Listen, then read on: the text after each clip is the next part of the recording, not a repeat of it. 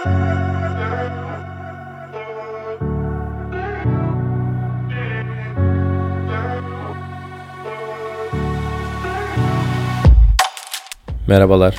Görünmez Çocuk Podcast'a hoş geldiniz. Uzunca bir süre depresyon ve panik ataklarla mücadele etmiş fakat iyileşmenin gerçekten kendi istediği hayatı yaşamaktan geçtiğini öğrenmiş birisiyim. Bu süreçte fark ettiklerimi, sorunların gerçek nedenlerini ve bunlarla başa çıkma yöntemlerimi, özüme uygun ve coşkulu bir yaşama geçiş yolculuğumu sizlerle paylaşıyorum. Gerçeklerle yüzleşmek isterseniz sizi de anlamlı ve coşkulu hayata adım atma yolculuğuma davet ediyorum. Haydi başlayalım.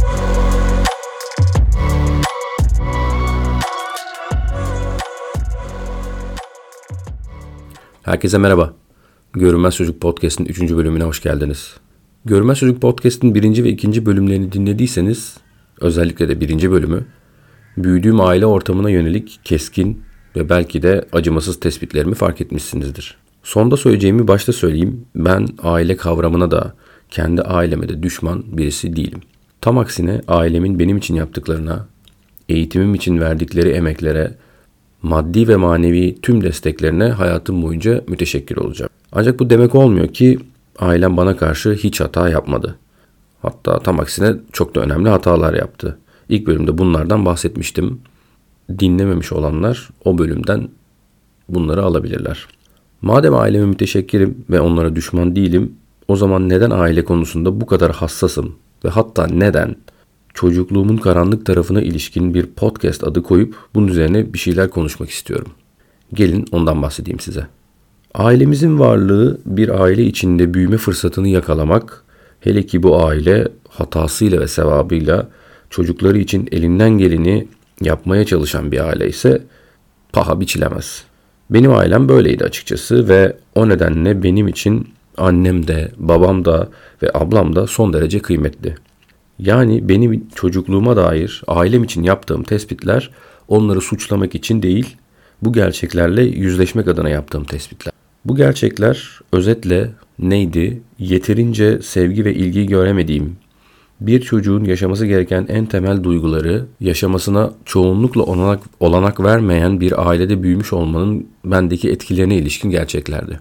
Yetişkinlikte yaşadığımız birçok sorunu ele alış biçimimiz, sorunlarla başa çıkma yöntemlerimiz ve bizi yetişkin olduğumuz dönemde dibe çeken, hayallerimizin peşinden gitmekten bizi alıkoyan şeylerin kök nedeninin bu gerçekler olduğunu fark ettim. İlk başlarda bu farkındalık tabii ki beni öfkelendirdi. Yani çocukluğuma dair böyle olumsuz şeyleri yaşamış olmanın getirdiği farkındalık beni aileme karşı tabii ki de öfkelendirdi. İçten içe onlarla çok yakın, sıcak ve doğal ilişkiler kurmak isterken içimden bir şeylerin bunu yapmama engel olduğunu hissediyordum. O yakınlığı, o sıcaklığı, hayalimde kurduğum o yakınlığı ve sıcaklığı bir türlü onlara karşı gösteremiyordum. Aramızda bir görünmez duvar vardı sanki. Henüz bu aileme dair gerçeklerle karşılaşmamışken, bu farkındalığı edinmemişken bu konuyu psikoloğumla konuştuğumda yani aileme karşı içten içe yakınlık kurmak istiyorum. Onlara çok daha yakın ve sıcak, sevecen davranmak istiyorum. Durduk yerde onları sevdiğimi söyleyip sarılmak istiyorum örneğin. Fakat bunu yapamıyorum. İçimde bir göremediğim bir bariyer var. Bunun nedeni ne diye psikoloğuma sorduğumda belki gerçekten böyle bir yakınlaşma istemiyorsundur. Bunu istediğine emin misin diye sordu bana. İşte bu psikologun verdiği bu karşılık bendeki en önemli aydınlanmanın başlangıcı oldu aslında. Ve dediğim gibi aileye dair bu farkındalıklar başlarda onlara öfke, öfke duymama da neden oldu.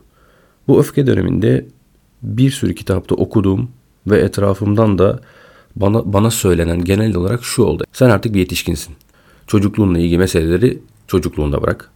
Geçmişe takılıp kalma ve önüne bak.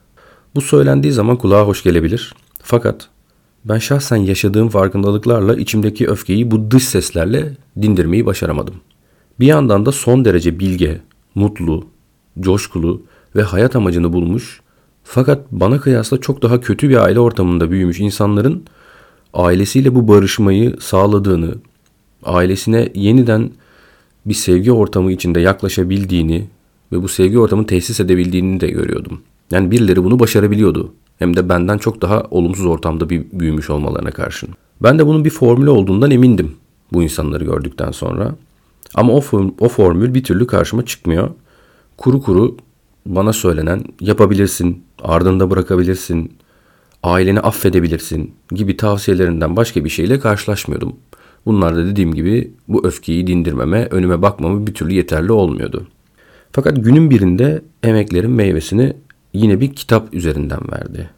Vazgeçmeden bir sorun çözmek için emek vermek yine karşılığını bulmuştu. Susan Forward isimli bir psikiyatr yanılmıyorsam aynı zamanda bu kitabın yazarı, kitabın adı da Toxic Parents. Bu kitapta çokça tavsiye veriyor. Bunu herkese tavsiye ediyorum. Yetiştiğimiz aile ortamının bizim üzerimizdeki zehirli ve toksik bir takım etkilerinden bahsediyor. Esasında bu yüzleşmeyi, bu farkındalığı temelinde elde etmemizi sağlayan çok çok kıymetli bir kitap bence. Dediğim gibi aileye düşmanlığı teşvik eden bir kitap değil. Sadece oradaki karanlık taraflara dair gerçeklerle yüzleşmeye hazırsanız bu kitabı mutlaka okumanızı tavsiye ederim. İngilizcesi Toxic Parents, Türkçesi Zor Bir Ailede Büyümek olarak geçiyor. Bu kitapta Susan Forward bir psikiyatr olarak birçok formül ortaya koyuyor ve birçok açıdan ele alıyor konuyu. Tabii ki de bu podcast'te tek başına herkese bunun üzerinden bir tavsiye veremem. Ancak özetle bende işe yarayan formülü şöyle anlatabilirim size. Susan Forward diyor ki zor bir ailede büyüdüyseniz, yeterince ilgi ve sevgi görmediyseniz bir şekilde bunun etkileri yetişkinliğe sizinle birlikte taşınıyor. Yetişkinlikte yaşadığınız sorunların temelinde yatanlar bunlar olduğuna göre sizin öncelikle bu gerçeklerle bir kere karşılaşmanız, bir yüzleşmeniz gerekiyor. İkinci yüzleşmeyi ise hazır olduğunuzda doğru zamanda bunun da formüllerini veriyor zaten. Ailenizle bu konuyu sakin bir şekilde bir yetişkin e, tavrında konuşmanız gerektiğini yani bu yüzleşmeyi gerçekleştirmeniz gerektiğini söylüyor. Bunu birinci olarak tabii ki de yüz yüze yapmanızı öneriyor. İkinci olarak ise bunu yapamıyorsanız fiziksel koşullarda vesaire veya kaybettiyseniz anne babanızı bile bir mektup üzerinden yapmanız gerektiğini söylüyor. Bu mektupta da özetle zamanında bu bu bu bu yaptıklarınız nedeniyle ya da şunlar şunlar şunları bana veremediğiniz, e, verememeniz nedeniyle sizleri esasında benim canımı çok fazlasıyla yaktınız. Beni fazlasıyla bu anlamda üzdünüz. Bugün dönüp baktığım zaman o çocuğun ne kadar üzüldüğünü görebiliyorum. Evet niyetiniz kötü olmayabilirdi. Zamanınızın koşulları bunları fark etmenize müsaade etmemiş de olabilirdi. Ama niyetinizin iyi olması benim canımın yanmadığı anlamına da gelmiyor. Dolayısıyla bununla ilgili benim yaşadığım üzüntüyle ilgili üzgün olduğunuzu ve belki de özür dilemeniz gerektiğini onlara ileten bir mektuptan bahsediyoruz. Bu mektubu dediğim gibi kitapta ayrıntısıyla anlatıyor ve onu hazır olduğunuz zaman da yapmalısınız. Çünkü birçok aile buna çok sert reaksiyonda gösterebilir. Ee, belki de bunu yapabilmek için öncelikle bir psikolojik danışmanlık almanızı size öne önerebilirim. Bu noktada çünkü hazır olmak ve gerekli beklemediğiniz karşılığı aldığınızda dahi tutunacağınız, e, takınacağınız tavır son derece önemli. Bu yüzleşmeyi yapmanız dediğim gibi alacağınız cevaptan bağımsız bir şey. Ben hani babam özellikle babasından çok çekinen bir çocuktum. Aşırı derecede korkardım. Bunu ben mektup üzerinden yaptım. Bir takım mesafe farkları nedeniyle daha fazla içimde tutamayacaktım. Çünkü bekleyemeyecektim yüz yüze karşılaşmayı. Bunu bir an önce yapmak zorundaydım. Ağırlık yapmaya başlamıştı. Ve ben mektup üzerinden yaşadıklarımı açıkçası hem anneme hem babama ilettim.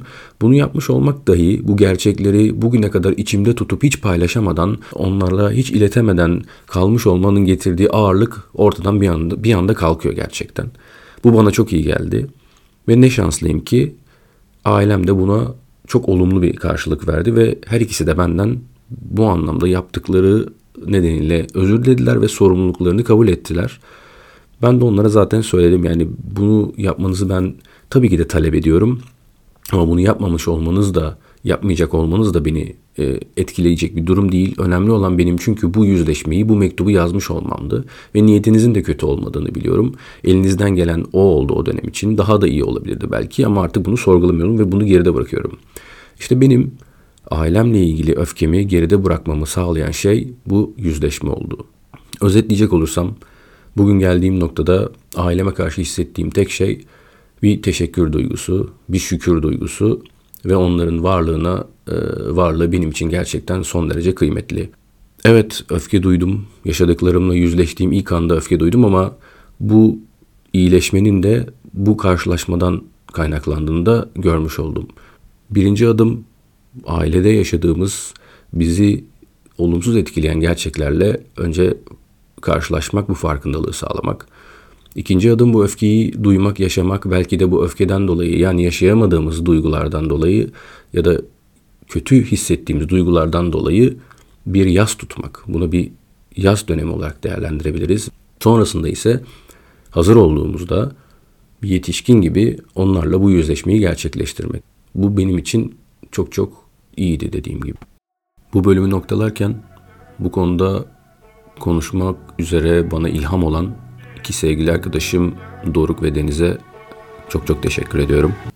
Yanınızda olsunlar ya da olmasınlar. Bir şekilde ailenizle yeniden sevgi ortamını kurabildiğiniz, uzaktan ya da yakından onlara sarılabildiğiniz güzel günler diliyorum. Bir sonraki bölümde görüşmek üzere. Hoşçakalın.